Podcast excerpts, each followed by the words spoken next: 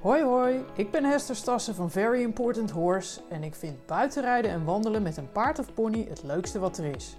In deze podcast ga ik in op de vijf factoren die van je buitenrit of wandeling een feestje of een flop maken. Ik trap de mythes omver en geef je handige tips die jou helpen om de betrouwbare partner te worden van je paard en van jezelf. Kortom, alles wat je nodig hebt zodat ook jij en je paard samen kunnen genieten van de natuur en van elkaar.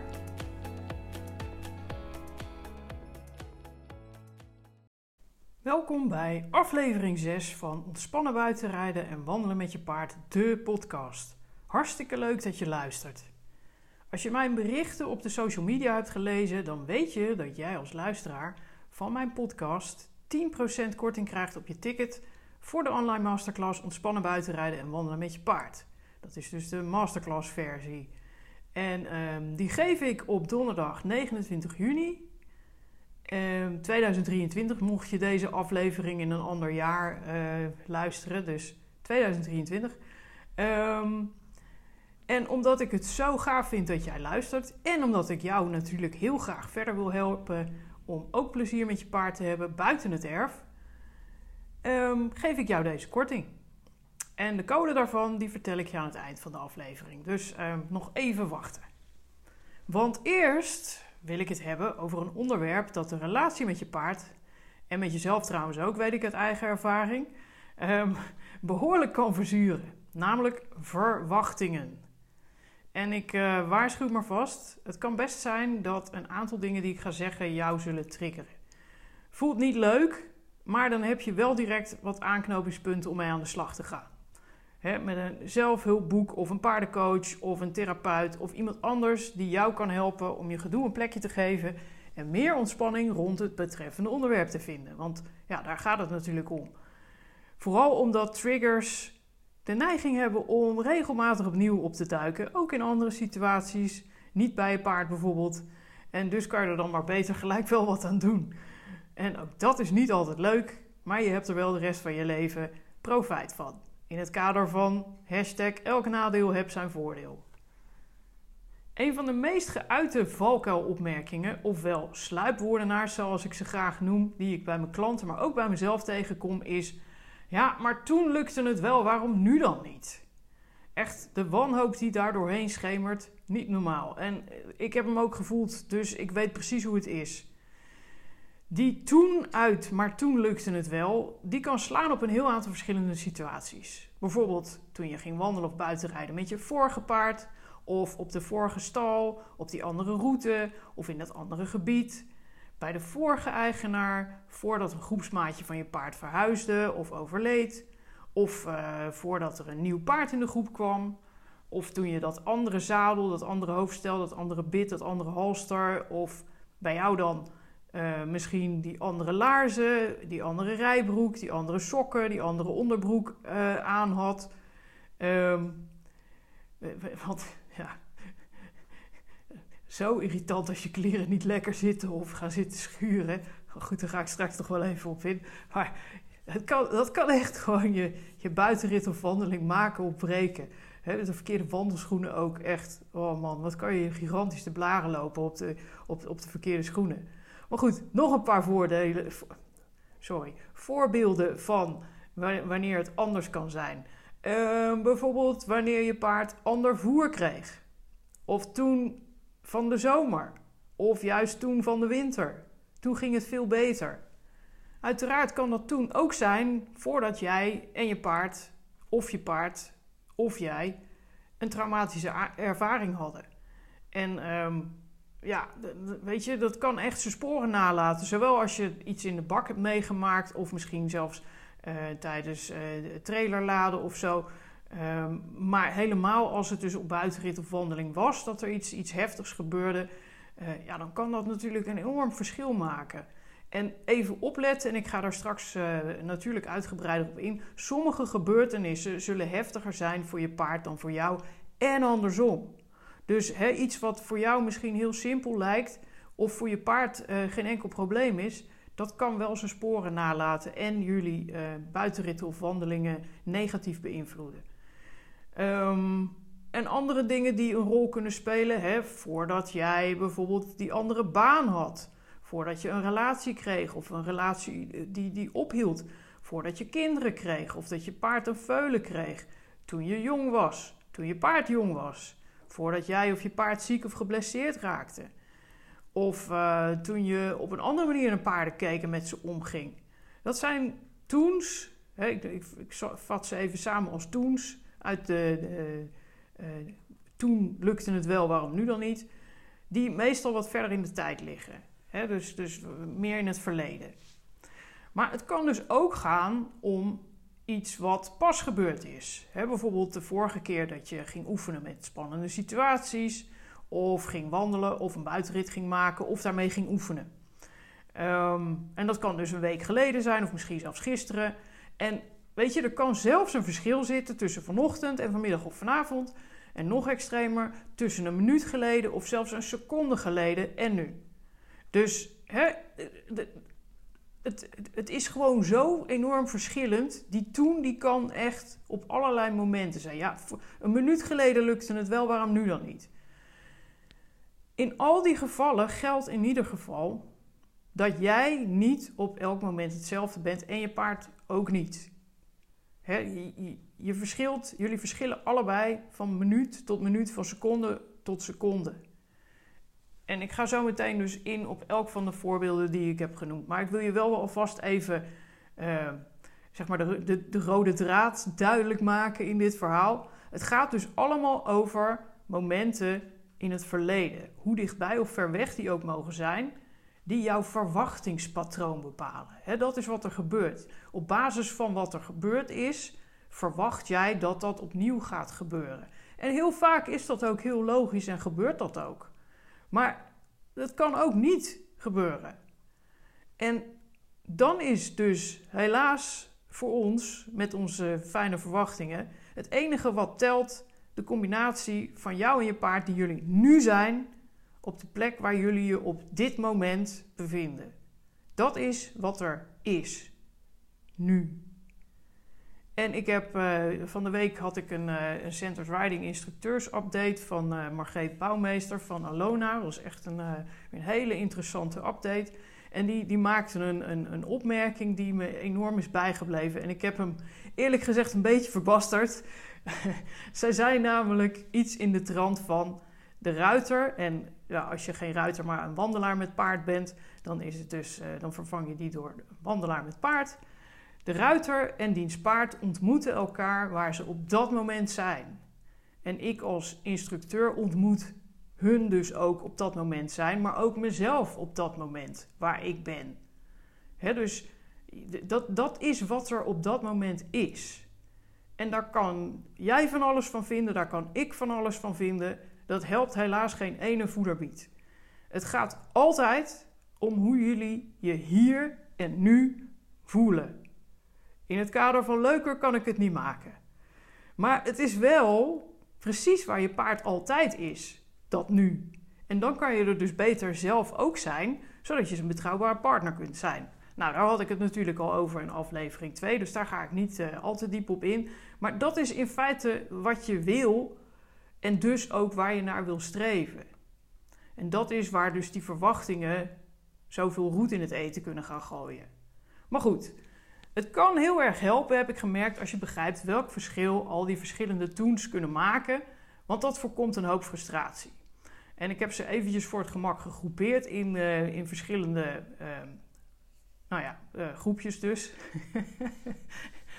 Misschien dat dat daardoor niet zo'n mega lange aflevering wordt als vorige keer. Ofwel, of nou ja, weet ik veel niet, ik geen idee. Uh, dus uh, sorry, of nou ja, not sorry, want ik vind het gewoon hartstikke leuk om te podcasten. Dus uh, ja, als je het niet leuk vindt, dan zet je maar uit. Klaar. maar goed, een van de veel voorkomende toens uit Toen lukte het wel is... Je vorige paard was een schat als je met hem, met hem of haar wilde wandelen of buitenrijden... terwijl je huidige paard zo'n gevalletje van breek me de bek niet open is het is een, een stresskonijn. Hij schrikt van elke graspriet die scheef staat. hij gaat ofwel als de brandweer of hij schiet spontaan wortels die tot in het centrum van de aarde reiken, zodat je hem echt met geen enkele mogelijkheid van zijn plek krijgt. Dikke vette open deur hierover. Je huidige paard is je vorige paard niet. Hoe graag je dat ook zou willen en hoeveel je je vorige maatje ook mist. Hij is het niet. Zij is het niet. Misschien is hij of zij een merrie in plaats van een ruin, of een ruin in plaats van een merrie, of misschien wel een hengst, weet ik veel. Het kan een compleet ander ras zijn. Hij kan een volledig tegenovergesteld karakter hebben dan je vorige paard, et cetera, et cetera, et cetera. Het is gewoon een ander paard. En dus zal hij of zij ook compleet anders reageren op verschillende situaties. Maar ook als dat niet zo is, hè, stel dat jij een kloon hebt weten te bemachtigen van je vorige lieveling. Hè, als je maar genoeg geld hebt, dan kan dat tegenwoordig. Uh, dan nog heb ik begrepen dat het niet precies dezelfde paarden worden. Hè, want uh, de, de, de, omgeving waarin ze opvoeden, uh, opgevoed worden maakt natuurlijk ook uit. Um, maar goed, hè, stel dat het echt één op één hetzelfde paard zou zijn, maar dan in een jongere versie. Ga dan eens voor jezelf na hoeveel training had mijn vorige paard nodig voordat hij of zij zo bomproof werd. Hm? Goeie om over na te denken. En ja, ik weet het, er zijn paarden die bomproof geboren lijken te zijn geworden. Um, maar dat is helaas niet voor elk paard het geval. Dan een aanvullende gedachte welke afstamming heeft je nieuwe paard? Ik bedoel, de paarden van nu zijn allesbehalve de paarden van 10, 20 of 30 jaar geleden. Dus stel dat jouw vorige paard een mooie leeftijd heeft bereikt, hè, 25 of misschien wel 30 geworden, en um, hij al vroeg uh, bij je is gekomen, ja, dan heb je te maken met een gigantisch verschil. En zeker bij paarden die voor de sport zijn gefokt, inclusief sportvriezen, sporthaflingers, sportfjorden en sportijslanders, dan zit er echt een gigantisch verschil tussen. Want die zijn veel prikkelgevoeliger dan niet-sportpaarden, wat uh, de oorspronkelijke modelletjes uh, van de Friese haflingers, fjorden en ijslanders natuurlijk waren. En die extra gevoeligheid, die heeft als voordeel dat je hulpen subtieler kunnen zijn in de wedstrijdring en dat je paard vaak groter en slanker is. Maar ze hebben als nadeel dat je veel meer tijd zal moeten stoppen in de voorbereiding op buiten het erf wandelen en rijden voordat je nieuwe paard ontspannen kan omgaan met gekke situaties. je zal veel meer moeten oefenen met uh, schriktraining, uh, met, met ontspannen, met, uh, met van huis weggaan. Meestal, hey, ik bedoel, natuurlijk, er zijn altijd uitzonderingen, maar in de meeste gevallen merk ik gewoon dat daar veel meer werk in gaat dan in zo'n paard dat wat minder gevoelig gefokt is. en hypermobiliteit kan daar dan ook nog eens een rol in spelen. Maar goed, daar ga ik ook niet op in nu. Maar ja, weet je, het, het speelt gewoon allemaal een rol. En het zorgt ervoor dat het meer tijd zal kosten om je voor te bereiden op die ontspannen buitenritten en wandelingen. Ook de manier van opleiden en hoe je paard in het verleden is behandeld kunnen een enorm verschil maken. Ik kom namelijk best wel vaak paarden tegen die uit Spanje of uit Ierland bijvoorbeeld zijn geïmporteerd. Er zijn nog wel meer landen waar ze vandaan komen. Maar in ieder geval landen waar mensen een stuk minder vriendelijk omgaan met vierbeners dan in Nederland en België gebeurt bijvoorbeeld. Um, en wat ik dan merk uh, is dat daar dus ook veel meer um, wantrouwen richting mensen in zit, bijvoorbeeld. Hè?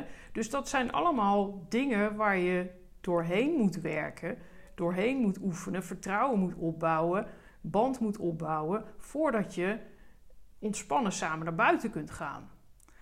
En ik merk bijvoorbeeld ook dat paarden die in eerste instantie zijn opgeleid voor de topsport, nou ja, hè, ze kunnen natuurlijk niet allemaal uh, tot de wereldkampioenen behoren. En dan heb ik het dus niet alleen over dressuur, uh, springen, eventing uh, en bijvoorbeeld uh, de, de western disciplines. Maar ook paarden die voor de ren of de drafbaan zijn opgeleid. Ja, die kunnen best een flinke rugzak bij zich hebben. Hoe jong ze soms ook zijn. ik bedoel, er zijn heel vaak paarden die, die zeker als ze naar de, naar de renbaan of de drafbaan eh, zouden moeten, die al op hun tweede, zeg maar, uh, beginnen met hun training. En dat is best heftig. En daar worden ook, um, hoe heet dat, hoeveelheden krachtvoer bij gebruikt. Ehm, in, in combinatie met heel vaak dat ze eh, veel op stal staan, waardoor ze heel makkelijk een tik mee kunnen krijgen. Ja, ik bedoel, ik zeg het maar hoe het is.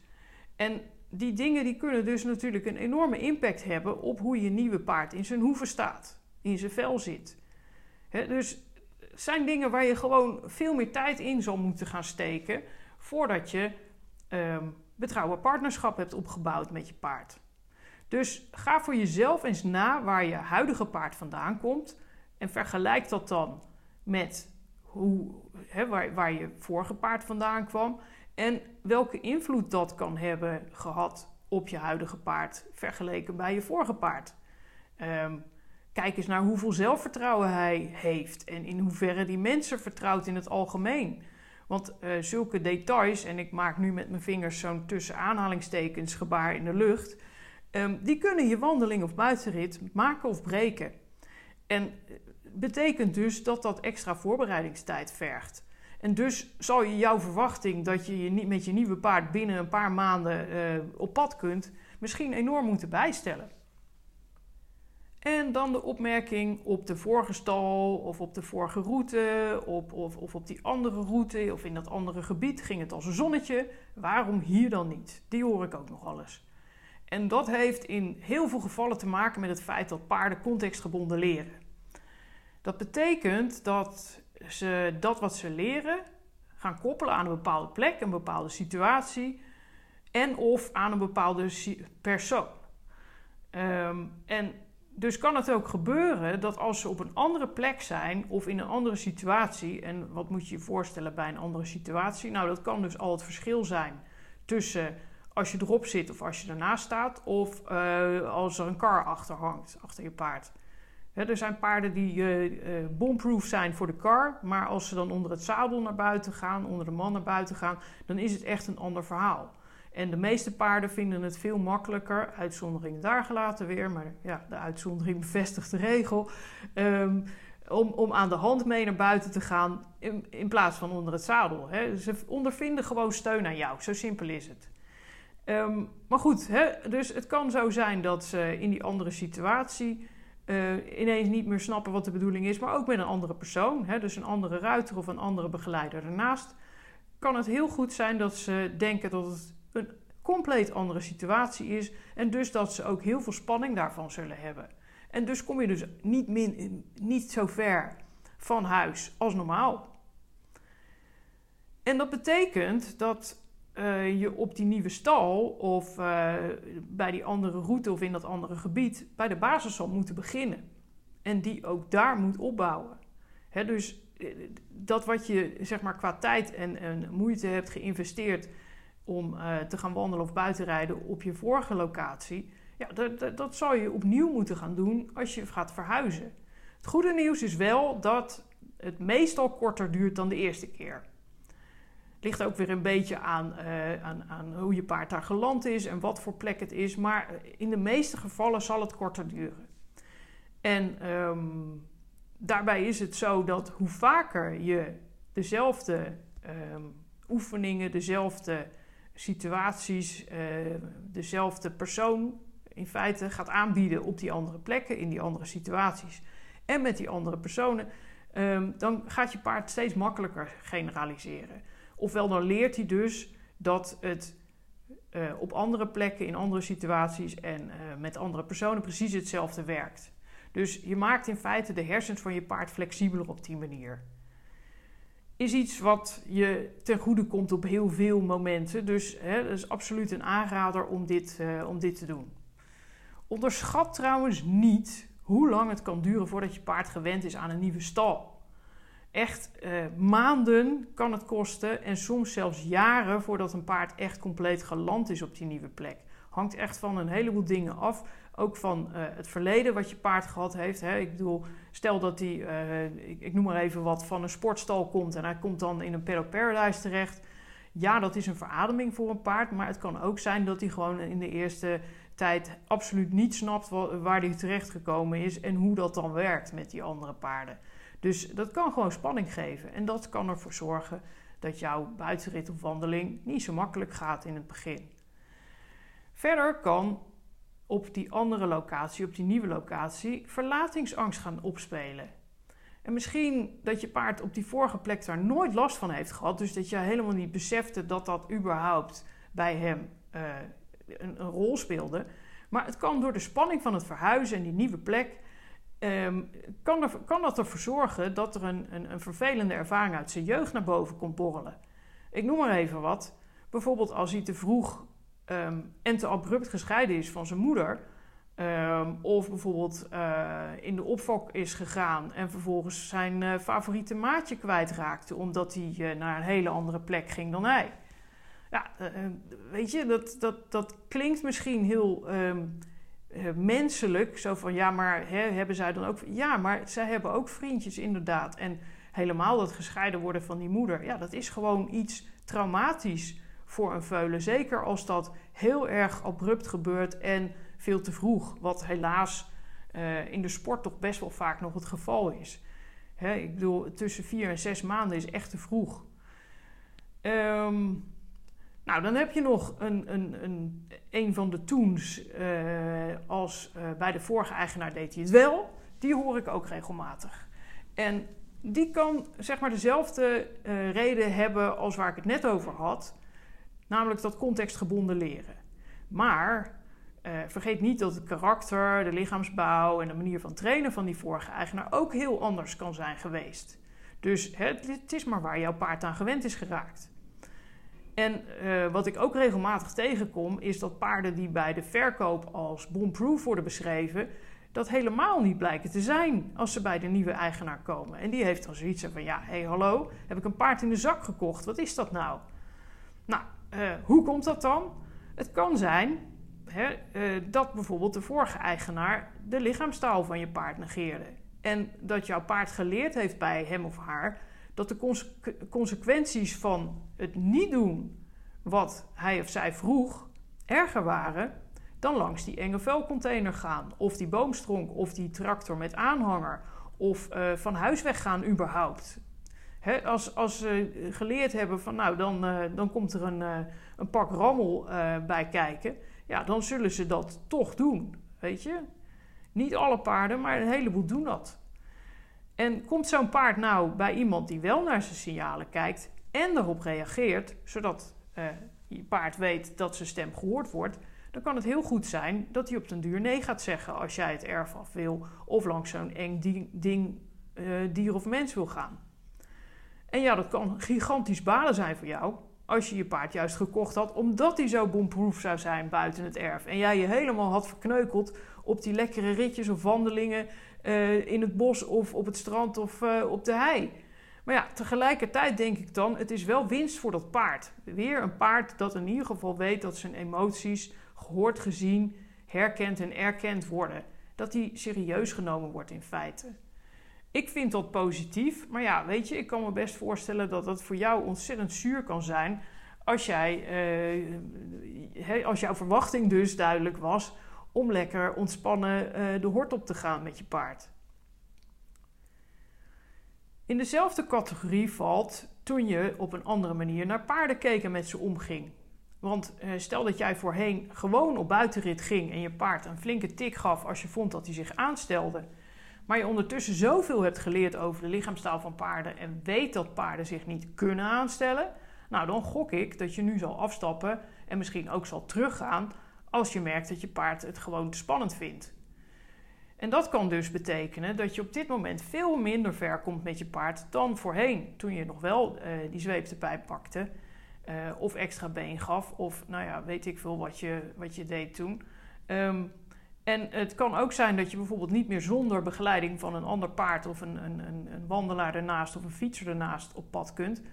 Of uh, dat je misschien rijlaarzen moet kopen waar je flinke afstanden mee kunt afleggen zonder dat je je de blaren loopt. Hè? Um, dat kan dus consequenties hebben. Maar goed, ik denk dat het toch een winst uh, is voor jou en je paard, omdat jullie uh, band daardoor absoluut beter zal zijn dan als een paard in feite alles uit angst voor de consequenties doet. Dat geeft namelijk ook spanning. Nou ja, uh, ik ben gek op paarden en ik uh, gun elk paard dat, die, uh, dat, dat ze spanningssignalen en nou ja, eigenlijk alle signalen gehoord worden door uh, het mens waar die mee uh, te maken heeft. Een heel hoog open deurgehalte nu, um, dat is de situatie waarin je een ander zadel, een ander hoofdstel, een ander bit of een ander halster gebruikte voor je paard uh, in het verleden. Of dat jij andere laarzen, andere rijbroek, andere sokken, andere onderbroek of andere wandelschoenen aan had. Want uh, zeker onderbroeken, die kunnen je buitenrit maken of breken, weet ik uit eigen ervaring. Ik heb me echt een paar keer gigantisch te blaren gereden. Nou, dat is echt geen aanrader. Echt auw, gewoon. Dat is niet leuk. Dus hè, eh, ga daarvan uit en denk dan aan alles wat ongemak oplevert bij je paard of bij jou. Dat geeft spanning en dat zorgt dus voor een laagje in het spanningsemmertje uh, bij jou en of je paard. Waardoor er dus minder ruimte overblijft voor gekke dingen die jullie verder onderweg nog tegen kunnen komen. En um, het, het, gekke is, of nou ja, het, het, het interessante is, ook belangrijk om, om um, in, je, in je achterhoofd te houden, dat is dat als je eh, dan ook nog eens met dat ongemak weggaat van jullie vertrouwde plek, dan lijkt het ook wel alsof die ongemakken veel harder binnenkomen. Dus dat wat dat, dat zadel of dat hoofdstel wat niet zo heel lekker zat op het erf, speelt daar misschien nauwelijks een rol omdat het een vertrouwde omgeving is. Maar die kunnen veel heftiger binnenkomen als je je al niet helemaal senang voelt. Dus dat, dat is gewoon zo. Daar heb je mee te maken. En dat werkt dus ook zo voor je paard als je paard het in de bak gewoon prima doet met dat zadel dat misschien net een tikje scheef zit of niet helemaal lekker, ja, dan kan het zijn dat hij het uh, op buitenrit ineens echt veel heftiger vindt. Zeker omdat hij weet dat jij uh, misschien nog uh, een uur lang scheef rondhobbelt, terwijl je in de bak dat veel, veel korter doet, bijvoorbeeld. Hè. Een andere die een, uh, een open deur is, dat is dat het veel beter ging voordat je paard ander voer kreeg, of een veulen kreeg, of ziek werd, of geblesseerd raakte, of toen hij jong was. En uh, ik gok dat je de rode draad hier al lang gespot hebt. Het gaat allemaal over veranderingen in het lichaam en het energieniveau van je paard. Want als je paard pijn heeft, of zich niet zo lekker voelt, of juist helemaal staat te stuiteren van de energie, ja, dan zal ook dat uitvergroten zodra je het erf verlaat. Hè? Net zoals dat ongemak waar ik het net over had. En ik heb het in, de, in, in een van de vorige afleveringen al genoemd. Je krijgt dan ook nog eens te maken met trigger stacking, ofwel prikkelstapeling. Doordat um, de spanning van de dingen die je tegenkomt buiten het erf en het erf verlaten gestapeld worden op de lichamelijke spanning die je paard heeft van uh, dat wat hij in zijn lichaam voelt. En daardoor kan het spanningsemmertje van je paard veel sneller overlopen dan, um, dan normaal. Hè? En dan kan die dus ook schrikken van een, een, een vogeltje waar die normaal gesproken nooit van schrikt. Of uh, een, een, blaadje wat valt, of hè, noem maar op. Iets waar die normaal gesproken echt niet eens naar kijkt. Dat is dan ineens een ding. Verder een verschil tussen zomer en winter. Dat ben ik ook al heel wat keren tegengekomen. Bijvoorbeeld dat een paard in de zomer veel minder schrikachtig is dan in de winter of minder snel harder gaat dan jij in gedachten had. En veel paarden krijgen natuurlijk in de koude maanden veel minder vrije beweging doordat ze meer in een paddock of op stal staan. En omdat paarden gemaakt zijn om te bewegen, kan uh, dat minder vrije, vrij kunnen bewegen best wel veel spanning geven. Dus vandaar dat je ze ook, als ze dan uh, losgegooid worden, ze als gekken ziet rondrennen, ziet bokken, ziet stijgeren en, en helemaal uit hun plaat gaan, um, omdat ze eindelijk weer de beentjes kunnen strekken. Ook niet gek dat daar natuurlijk blessures door ontstaan.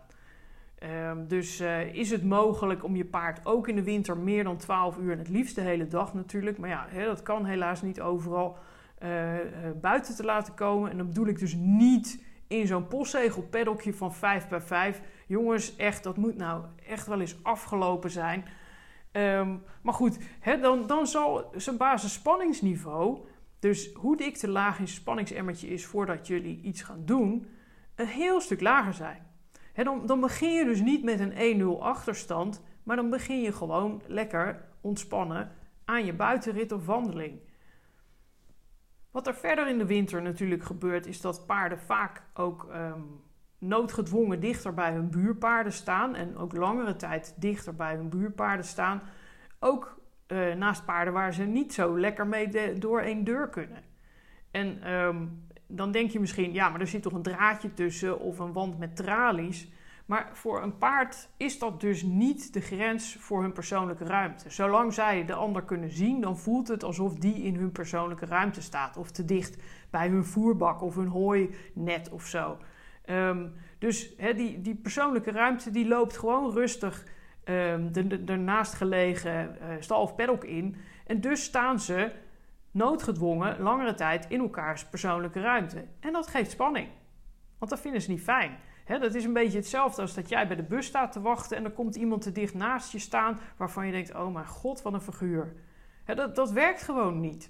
Dan, dan, wil je het liefste eh, dus ook een paar stappen opzij gaan, zodat die persoon uit jouw ruimte is. Maar stel nou dat dat niet kan, hè, in een hele, bijvoorbeeld een hele drukke bus. Nou, ehm, ik weet dat ik me dan ook niet echt uh, op mijn gemak voel hoor. Dus uh, ik ben blij dat ik niet zo vaak met de bus ga tegenwoordig. maar goed, gewoon om je een beetje een gevoel te geven voor hoe het voor je paard is. Hè. Ehm, en verder in de winter zie ik ook regelmatig dat paarden te weinig ruwvoer binnenkrijgen. En ik vind het dus echt bizar dat paarden op sommige stallen nog steeds meer dan vier uur in een kaal zandbakje worden gezet. Waar ze niet eens hooi of water hebben. Ik bedoel, de kans op maagzweren wordt op die manier wel heel groot. wil je dat? Om het dan nog maar niet te hebben over het feit dat ze ook daardoor te weinig kou, koubewegingen maken per dag. Je paard heeft gewoon een aantal koubewegingen nodig van nature per dag. En ook dat, als hij dat niet heeft, dan krijgt hij weer spanning. Dus al die dingen die geven dus spanning. En vervolgens heb je natuurlijk nog de invloed van de temperatuur. Ja, paarden die vinden het gewoon lekkerder als de temperatuur net wat lager is. wij vinden het lekker als het boven de 20 of misschien zelfs 25 graden wordt. Maar voor je paard is het tussen de min 5 en de plus 15 meer dan genoeg. dat vinden ze gewoon een fijne temperatuur. Nou, dan kunnen ze ook nog eens reageren op extra wind of regen of ehm, een combinatie daarvan. Dus eh, je begrijpt al waar ik heen wil. Al die verschillen tussen zomer en winter, die zorgen voor spanning. En daardoor kunnen je buitenritten en wandelingen in de koude maanden telkens op een flop uitdraaien, terwijl je de rest van het jaar nergens last van hebt en heerlijk samen op pad kunt. Dan nog een belangrijke toen uit toen lukte het wel en nu niet, is voordat een groepsmaatje van je paard verhuisde of overleed. En dat kan zeker als hij daar heel erg close mee was, echt een ding zijn. En net zoals bij het, uh, het verhaal wat ik net al noemde, hè, dat paarden abrupt zijn gescheiden van andere paarden, onderschatten we echt hoe heftig het ook voor paarden kan zijn als hun beste vriend of vriendin plotseling verdwijnt. Want je paard vindt dat net zo rot als jij. Het zijn zoogdieren, het zijn zoogdieren met gevoelens en emoties en, ehm, en, en dingen die ze wel en niet fijn vinden. Dus hij kan er ook nog best een tijd last van hebben dat dat maatje is weggevallen. En dan kan je er natuurlijk een ander paard bij zetten. Ja, absoluut. Hè? Je moet hem niet alleen laten staan. Maar jij snapt ook wel dat dat niet hetzelfde is als die fantastische vriend waar hij misschien jaren mee samen heeft gegeten, gekroeld, gespeeld, gerust en geslapen. Eh, geldt voor jou ook. Hè? Je beste vriendin. Dan kan ik een, een, andere, een andere eh, vrouw daar neerzetten. Maar dat is niet hetzelfde als die beste vriendin die plotseling is verhuisd. Dus ehm, ja, weet je, dat is, gewoon, dat, dat is gewoon vergelijkbaar.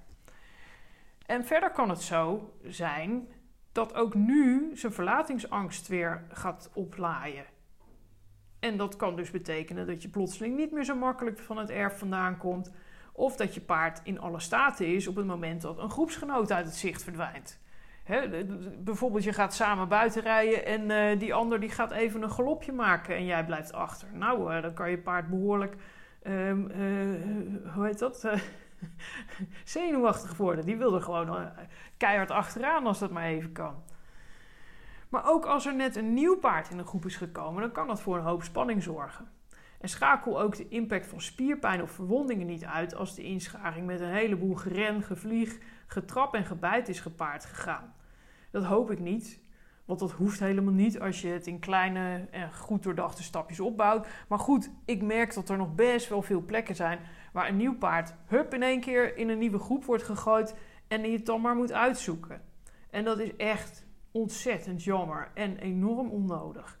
Want hè, het kan op een veel fijnere manier, waardoor er veel minder stress is en dus ook minder uh, risico op, op spierpijn, blessures en verwondingen.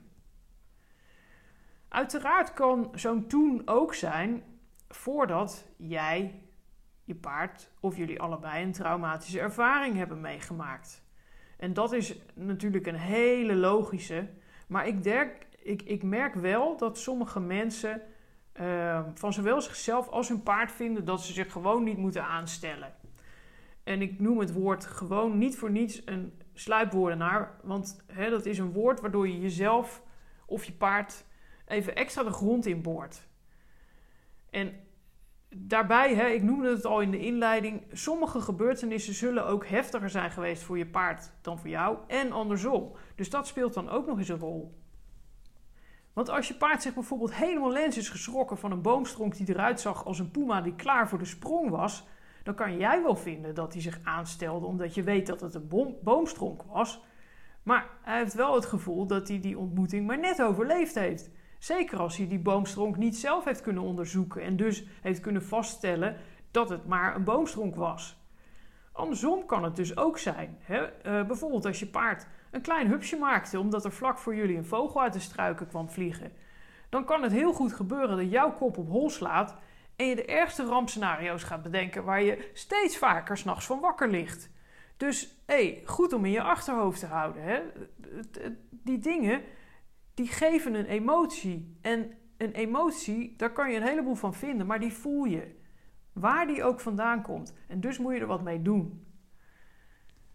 Een ander belangrijk verschil tussen toen en nu. Nou, hoe jij in je vel zit. Zowel lichamelijk als geestelijk. En ik zei het al in de inleiding. Dit is er eentje die je heel makkelijk over het hoofd kunt zien. Het punt is namelijk dat hoe jij je voelt, kan een enorme invloed hebben op hoe stabiel je op je paard zit of ernaast wandelt. En ehm, ook natuurlijk in hoeverre je er echt voor je paard kunt zijn. Hier en nu, of dat je continu in je kop zit. Want als dat het geval is, dan is je paardje kwijt. ik had het daar in aflevering 2 ook over. Voor je paard voelt het dan alsof je verdwijnt. En dat is geen betrouwbaar partnerschap, want dat is wederzijds. Dat is waar je je elkaar helpt en er voor elkaar bent. En tuurlijk, hè, ik weet het ook, ik zit ook regelmatig in mijn kop, maar zorg ervoor dat je ook jezelf leert om er weer uit te komen.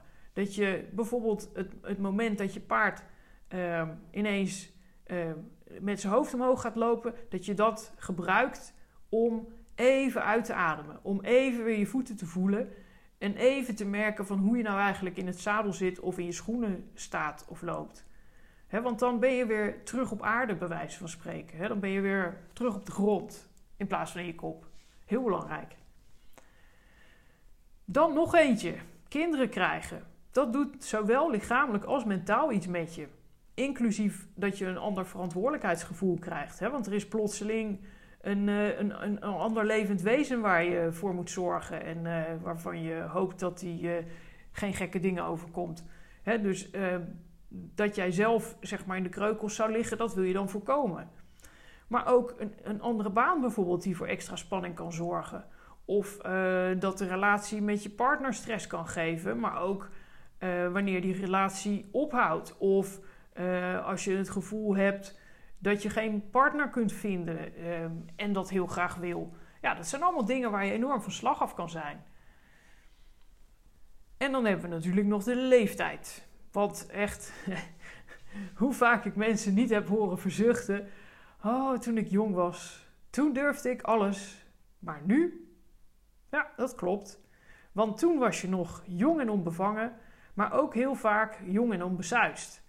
Simpelweg omdat je de risico's van wat je toen deed niet zag en nu wel. je hebt veel meer inzicht gekregen, veel meer ervaring gekregen met wat wel en niet een slim plan is. En verder verandert je lichaam natuurlijk ook nog eens met de jaren. Je wordt minder flexibel en mogelijk uh, hopen de blessures en de stijve plekken zich op in je lichaam. Nou ja, ik kan er ook over meespreken. Dan denk je wel eens van, hm, dat gaat toch niet meer zo buigzaam als voorheen. Of uh, van hé, hey, kon ik niet voorheen uh, zo en zo uh, lopen. Of dat en dat aan qua gewicht dragen. Hmm, dat is toch jammer. Maar um, naarmate de leeftijd oploopt, dan kan je ook weer gedoe in je lijf krijgen vanwege hormonen. schakel die ook niet uit. En dat kan ook je, je hoofd behoorlijk van slag afbrengen. Dus zijn dingen, hou daar rekening mee. Hetzelfde geldt voor als je een heftige ziekte hebt gehad of een, een ik draai soms letters om. Ik wilde blaren blessure zeggen in plaats van zware blessure. Goed, het is zware blessure dus. Een zware blessure. Dan zal je je lijf natuurlijk niet meer hetzelfde werken als daarvoor. En vergis je ook niet in hoe dat je mentaal kan beïnvloeden. Want als jij voelt dat je plotseling de dingen die je normaal gesproken altijd kon, ineens niet meer kon. Hè? Of moeite hebt met je balans. Of extra voorzichtig moet zijn omdat je anders iets uh, uh, overstrekt of verzwikt of breekt, misschien zelfs. Hè? Bij osteoporose bijvoorbeeld. Dan geeft dat spanning. En dat merkt je paard. Altijd. Het is gewoon zo, helaas. Mooier kan ik het niet maken. Nou, dat waren dan de toen uh, verhalen uit het verleden. Dan wil ik het nog even hebben over de toens die wat dichterbij liggen. Bijvoorbeeld de vorige keer dat je ging oefenen met spannende situaties, of de vorige keer dat je ging wandelen, of dat je een buitenrit ging maken, of dat je daarvoor ging oefenen. In de financiële wereld zie je niet voor niets heel vaak de disclaimer langskomen: in het verleden behaalde resultaten bieden geen garantie voor de toekomst.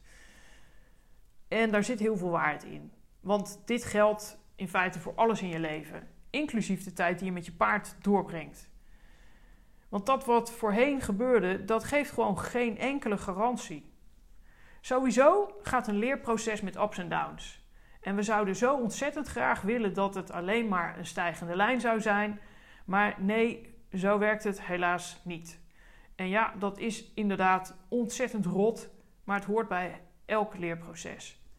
En dus kan het zo zijn dat de vorige keer uh, die schriktraining als een zonnetje ging, uh, de vorige keer jouw wandeling of buitenrit fantastisch verliep, zonder enige spanning, zonder enig gedoe, zonder enige schrikreactie. En deze keer met op het oog precies dezelfde omstandigheden, helemaal niet.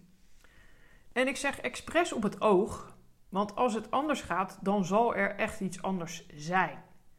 En dat kan zijn iets wat jij niet bewust kunt waarnemen.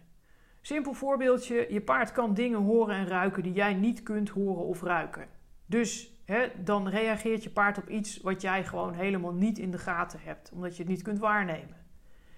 En daarnaast ben jij ook niet de hele dag bij je paard, dus jij weet niet wat er allemaal gebeurd is voordat je wilde gaan wandelen of buitenrijden of die schriktraining wilde gaan doen.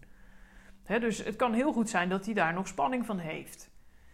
Of bijvoorbeeld dat jij ergens over zit te malen waar je gisteren helemaal niet aan dacht. Ik noem maar even wat dingetjes. Dus dat kan allemaal aan de hand zijn en dat kan allemaal roet in het eten gooien als jij uh, nu weer opnieuw hetzelfde wil gaan doen onder op het oog dezelfde omstandigheden. Maar er kan dus ook een heel groot verschil zitten tussen vanochtend, vanmiddag of vanavond. En wat ik al zei, zelfs tussen een minuut geleden of een seconde geleden vergeleken bij nu. Ga maar na. Als je paard gaskoliek krijgt, dan heb je op het ene moment nog een hartstikke blij paard dat door de wei huppelt, terwijl die even later gigantische pijn heeft en je de dierenarts kunt bellen. Dat kan echt van het ene op het andere moment veranderen. Of bijvoorbeeld als je net nog rustig het pad richting het bos afstapte, terwijl je paard een fractie van een seconde later ontploft omdat die rothond die je paard een keer flink in zijn benen heeft gebeten, blaffend en grommend naar het hek toe komt rennen. En dan kan het zomaar zijn dat het plotseling onmogelijk is om verder te gaan, omdat je paard zo gigantisch in de spanning is geschoten dat je beter kunt omkeren. En het is dan heel menselijk om je daar druk over te maken en uh, dingen als ja, maar toen lukte het wel te zeggen. En absoluut, ik doe het ook wel eens. Uh, ik ben ook maar een mens, zo simpel is het nou eenmaal. Ik ga daar ook niet over liegen, dus hè, dit is wat je doet als mens. Alleen weet ik dat het de situatie er niet leuker op maakt. Jij bent niet op elk moment hetzelfde en je paard is ook niet op elk moment hetzelfde. En door zo'n opmerking te maken, blijf je in feite in het verleden hangen. Terwijl het altijd gaat om wat is er nu? En vervolgens, als dat de situatie is zoals hij nu is, wat kan ik, wat kunnen mijn paard en ik dan nu wel doen? Ik noemde eerder in deze aflevering al een voorbeeld van een sluipwoordenaar. ik, het is sluipwoordenaar met een W, dus uh, dingetje voor mij. Ehm, namelijk het woord gewoon. En ik gebruik het ook te pas en te onpas. Echt niet normaal. Ik, ik betrap mezelf er elke keer op. Maar het is gewoon uh, een uh, stopwoordje geworden, merk ik. Um, en niet alleen gewoon, maar ook ja, maar toen lukte het wel, is zo'n sluipwoordenaar. Um, en, en sluipwoordenaars, dat zijn van die vaak geuite opmerkingen of veelgebruikte woorden die heel onschuldig lijken, maar je in feite gelijk opzadelen met een schuldgevoel van hier tot Tokio. Sluipwoordenaars die helpen jou om mentale zelfmoord te plegen, zeg maar. Dat klinkt best heftig, dat weet ik. Maar het is wel zo, want kijk maar eens hoe rot je je ervan gaat voelen. En hoe gigantisch je ervan kunt gaan malen. Um, ik heb echt wel wat nachten wakker gelegen van zo'n... Ja, maar de vorige training ging het zo goed, waarom nu dan niet? Kan ik het niet meer? Um, nou ja, nog een paar uh, uh, van die sluipwoordenaars die ik op een slecht moment wel eens te veel ruimte geef. Ik moet het nou toch wel eens kunnen. Of dezelfde uitspraak, maar dan op je paard geprojecteerd. En dan wordt het dus, mijn paard zou dat nou toch wel eens moeten kunnen. Nog eentje, ik ben gewoon, heb je er gewoon weer, niet zo'n goede ruiter. Die zeg ik ook regelmatig. Um, als ik, er, meestal op momenten dat ik me al rot voel. Hè, dan trap je jezelf nog eventjes extra diep de aarde in. Zo leuk. Um, nog een voorbeeldje. Daar ben ik te oud of te stijf of te onhandig voor. Die hoor ik ook regelmatig. En het punt is, als je die dingen over jezelf gaat zeggen, ga je ze geloven. Dan ga je er bevestiging voor zoeken. Dus dat, dat is gewoon echt niet handig. Nog eentje. Um, ik ben nou eenmaal een stresskip of een bange poepert of een schuitenbroek of vul hier een rotopmerking over jezelf naar keuze in. Um, echt jongens, eh, misschien dat ik het daar een volgende aflevering wat uitgebreider over ga hebben. Maar dit is gewoon iets wat je niet helpt. Al die zinnetjes, die zorgen ervoor dat je verwachtingen krijgt richting je paard en richting jezelf en heel vaak onrealistische verwachtingen. Maar sowieso zorgen verwachtingen ervoor uh, dat je spanning krijgt als ze niet uitkomen. je vindt in feite, eh, als het ware, dat je recht op die uitkomst had. Omdat je bedacht had dat het zo en zo moest lopen. Alleen zo werkt het dus niet. En was het maar zo dat alles zou lopen zoals we wilden? Nou ja, hè, dan hadden we allemaal een fantastisch leven waarbij we alleen maar met paarden bezig waren en overal plezier hadden in het bos, op het strand en in de duinen. Of uh, weet ik veel, in de bergen. Dat lijkt me trouwens ook echt fantastisch. Maar goed, dat uh, staat op mijn bucketlist nog. Dus dat komt vast nog wel. Um, maar goed, hè, die gedachten, al die toons, die zorgen voor extra druk en dus voor frustratie. En dat betekent dus ook voor spanning in je lichaam. frustratie, extra druk, zorgt voor spanning in je lichaam. En dan is de kans extra groot dat je paard niet net zo leuk meedoet als toen. Want ik heb het al eerder gezegd: je paard ziet, voelt, hoort en ruikt jouw spanning. En daar reageert hij op door zelf gespannen te raken. Daarbij is het risico echt gigantisch dat je je paard vanwege die verwachtingen verder probeert te pushen dan hij of zij op dat moment aan kan. Maar ook dat je jezelf verder probeert te pushen dan jij op dat moment aan kan.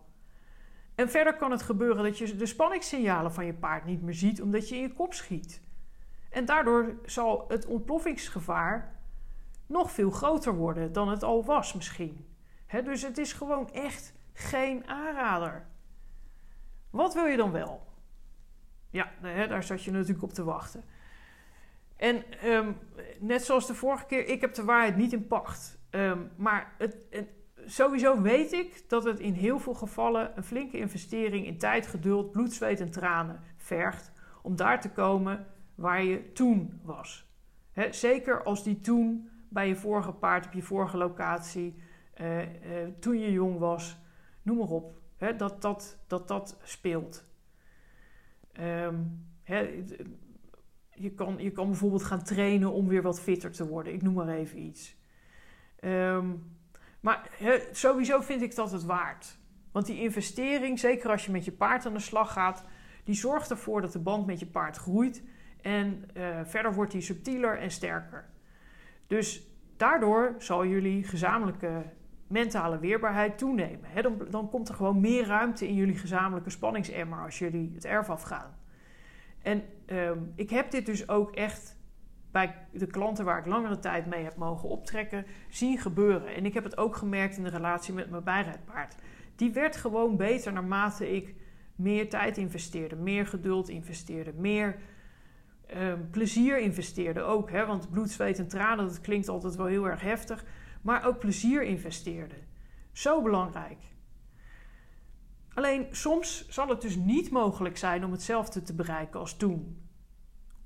Bijvoorbeeld omdat jij en je paard of jullie omgeving zo veranderd is dat het simpelweg niet meer binnen de mogelijkheden ligt. Of omdat je nieuwe paard je oude paard gewoon simpelweg niet is. Of dat er bij jou iets gebeurd is. En dan zou je die verwachtingen dus moeten loslaten. En absoluut, helemaal mee eens. Loslaten is zo makkelijk gezegd en veel makkelijker gezegd dan gedaan. En dat is echt enorm zuur als je dus jouw verwachtingen en jouw doelen en jouw dromen moet loslaten, omdat het gewoon niet anders kan. Daar ben ik me echt van bewust. En uh, ja, eh, ik heb het zelf ook meegemaakt. Dus weet je, zo, zo werkt dat. Um, alleen is het echt zo dat hoe langer je stil blijft staan bij hoe het was, of hoe je het zou willen, in plaats van die tijd te investeren in wat is en wat zou kunnen groeien, hoe minder blij je ervan wordt. Dus zoek op zo'n moment een andere weg binnen de mogelijkheden die je wel hebt, om toch naar dat plezier en die ontspanning te komen samen met je paard. en misschien op een hele andere manier. Misschien niet meer buiten rijden, niet meer buiten wandelen. Kan heel goed gebeuren. Maar zoek naar iets waar jullie allebei blij van worden. Gaat het daarentegen om een recentere toen, bijvoorbeeld dat je paard tijdens je vorige buitenrit of wandeling veel minder gespannen was, of uh, dat jij een stuk relaxter was, dan heb ik maar één antwoord. Voelt het niet goed bij je paard of bij jou, dan stop je, dan stap je af en of dan keer je om. En ik weet dat heel veel mensen juist ook dat stukje bij hunzelf vaak negeren. Zo van ja, nee, maar ik moet verder, want anders dan sluit ik het verkeerd af. Nee jongens, echt, doe het niet. Als het slecht voelt bij jou, als jij denkt van nee, maar ik moet verder, dat is het teken voor jou om om te draaien. Of om in ieder geval te stoppen en iets te doen waardoor je in ieder geval je spanning kwijtraakt. Het, weet je, doe dit. Zo voorkom je ongelukken. Neem je gevoel serieus. En ja, het kan zijn dat jouw gevoel iets te gevoelig staat afgesteld. Heel goed mogelijk. Nou, daar heb ik uh, een programma voor. Heb ik het zo meteen nog even kort over. Um, maar neem je gevoel serieus. Als het niet goed voelt, dan ga je spanning opbouwen omdat het niet goed voelt. Nou, dat is weer wat je paard merkt. Dus dan krijg je die visieuze cirkel weer qua spanning. Niet doen. En wat heel belangrijk is, is om het doel van je buitenrit of je wandeling, ik noemde het net al, plezier en ontspanning samen met je paard te laten zijn. Want als jij ervoor zorgt dat je elke keer met een glimlach, of tenminste met een neutraal gezicht bij je paard weggaat, bijvoorbeeld door jullie ontmoeting af te sluiten met iets leuks en iets simpels, dan ben je supergoed bezig. En dan ga je dus ook merken dat jullie relatie steeds verder verdiept en jullie meer en meer elkaars betrouwbare partner worden. En dan worden die verwachtingen ook steeds minder belangrijk. Dus. Uiteraard hoor ik hartstikke graag hoe jij hierover denkt. Dus laat me vooral even weten welke inzichten je hebt gekregen terwijl je naar deze aflevering luisterde. Vind ik hartstikke leuk. Ehm, en uh, mocht je een vraag hebben of zoiets hebben van, nou, uh, je had het daar en daar over, daar wil ik best wel meer over weten, of een heel ander onderwerp, neem contact op en uh, grote kans dat je binnenkort ofwel een blog ofwel een podcast of allebei vindt over waar jij meer over wilde weten. En ik kondigde het aan het begin al aan. Omdat ik het zo super gaaf vind dat jij naar deze podcast luistert, krijg je 10% korting op je ticket voor de komende online masterclass Ontspannen buitenrijden en wandelen met je paard. Ik geef die op donderdag 29 juni 2023 om 7 uur, s'avonds, want ik ben geen ochtendmens.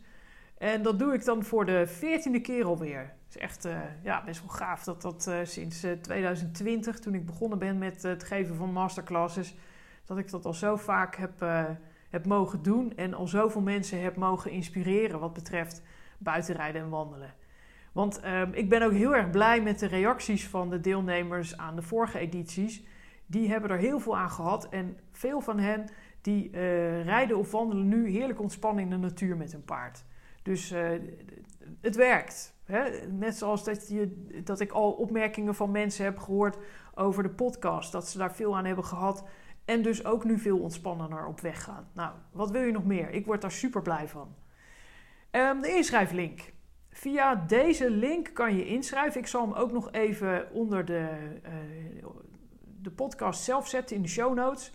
Um, dat is Very Important Horse aan elkaar geschreven. Dan punt. Webinar Geek ook aan elkaar geschreven. Punt. Com, C-O-M, slash ontspannen streepje buitenrijden streepje 14. En um, ik zet uh, die link natuurlijk ook op mijn, of die staat al op mijn website trouwens, en op mijn social media pagina's. En ik zal hem dus ook hieronder nog even neerzetten. Nou, als je naar die pagina gaat, dan kom je direct bij het inschrijfformulier voor de masterclass. En daar staat een vakje en daar kan je de kortingscode intypen. En dat is 58959886. En dan krijg je direct 10% korting. Ik voel me net zo'n, uh, zo'n uh, hoe heet zo'n ding, uh, bingo figuur nou. Sorry. maar goed, ik, ik zal de code nog even herhalen. Ehm, en mocht je nou geen pen en papier bij de hand hebben, zet dan deze podcast even stil totdat je die wel voor je hebt liggen. Um, en dan, dan kan je het alsnog opschrijven. Oké, komt hij nog een keer? 58 95 98 86. Bingo! Goed, uh, dus uh, gebruik de link die je op, de, uh, op mijn website vindt en in de social media en in de show notes en vul dan deze code in. Maar, hè, ik noemde het net al, als je dus met knikkende knietjes het erf afgaat op dit moment, omdat er in het verleden iets naars is gebeurd tijdens je buitenrit of wandeling, of als je een kei bent in het bedenken van brullende beren die je onderweg tegen zou kunnen komen, zodat je het erf niet meer afdurft met je paard. Ja, weet je, niet leuk. Maar dan heb ik goed nieuws. Op 13 september 2023 begint de volgende editie van mijn 12 weken lange programma Mindset Boost voor buitenruiters en wandelaars met paard. En dat is een programma waarin ik jou help om steviger in je rijlaars of wandelschoenen te gaan staan en ik geef je daarin ook allerlei praktische tips om ontspannen om te gaan met spannende situaties. En op die manier krijg jij scheid aan die zeven kleuren. Ik weet niet of dit uh, weer uitgefilterd gaat worden, want ik heb al een keer een post die daar mis op ging. Maar goed, uh, ik, denk, ik denk niet dat, daar, uh, dat er censuur in komt hier zo. Dus ik, ik, heb geen idee hoe dat werkt met podcast. Maar goed. Um, Verder nog meer goed nieuws. Doe je mee aan de online masterclass en ga je daarna inschrijven voor de Mindset Boost, dan krijg je inschrijfgeld voor de masterclass terug. Um, er zijn overigens maximaal vijf plekken. Um, en tot en met 13 juli profiteer je van de Early Early Bird korting. Dus meld je vooral nu al aan om zeker te zijn van een van die maximaal vijf beschikbare plekken en de korting die ik net noemde. Um, we beginnen dus op 13 september 2023. Maar ik zeg er gelijk bij: je reservering is pas definitief nadat je ja hebt gezegd aan het eind van het videobelgesprek, waarin we met elkaar kennis maken. Dus je zit nergens aan vast door het gesprek met mij aan te gaan. En um, of je nou wel of niet instapt in dit programma, ik kijk er sowieso naar uit om kennis met jou te maken. Dus uh, mocht je het leuk vinden om, uh, om een videobelgesprek met mij te plannen, laat het me weten en dan, uh, dan zien we en horen we elkaar binnenkort. Dan rest me nog om je te bedanken voor het luisteren. Dankjewel en tot de volgende keer. Hoi hoi! Dankjewel voor het luisteren naar deze aflevering van Ontspannen buitenrijden en wandelen met je paard, de podcast. Wil je meer weten over wat ik voor jou en je paard kan betekenen? Kijk dan op mijn website veryimportanthorse.com of volg me via Facebook, Instagram of LinkedIn. Ben je geïnspireerd geraakt door deze podcast en wil je automatisch een seintje krijgen wanneer de volgende aflevering verschijnt? Abonneer je dan door in je podcast-app op volgen te klikken. En natuurlijk word ik heel blij als je me 5 sterren geeft in diezelfde app of daar een enthousiast review schrijft. Maar ik word net zo blij als je de aflevering deelt via je social media natuurlijk. Denk je dat een van je paardenvriendinnen of vrienden net zo geïnspireerd zou kunnen raken van deze aflevering als jij? Stuur haar of hem dan graag even de link door. Zo zorgen we er samen voor dat meer en meer mensen kunnen genieten van ontspannen buitenritten en wandelingen met hun paard of pony. Wil jij nog beter en sneller leren ontspannen? Vraag dan de gratis spanningschecklist aan via mijn website veryimportanthorse.com. En uiteraard help ik jou en je paard ook graag live bij jullie op de locatie of op afstand om jullie eerste en volgende stappen te zetten op weg naar ontspannen wandelingen en ritten. Mail me via hester at veryimportanthorse.nl of stuur me een berichtje via Facebook, LinkedIn of Instagram. Ik wens jou en je paard heel veel fantastische ritten en wandelingen toe.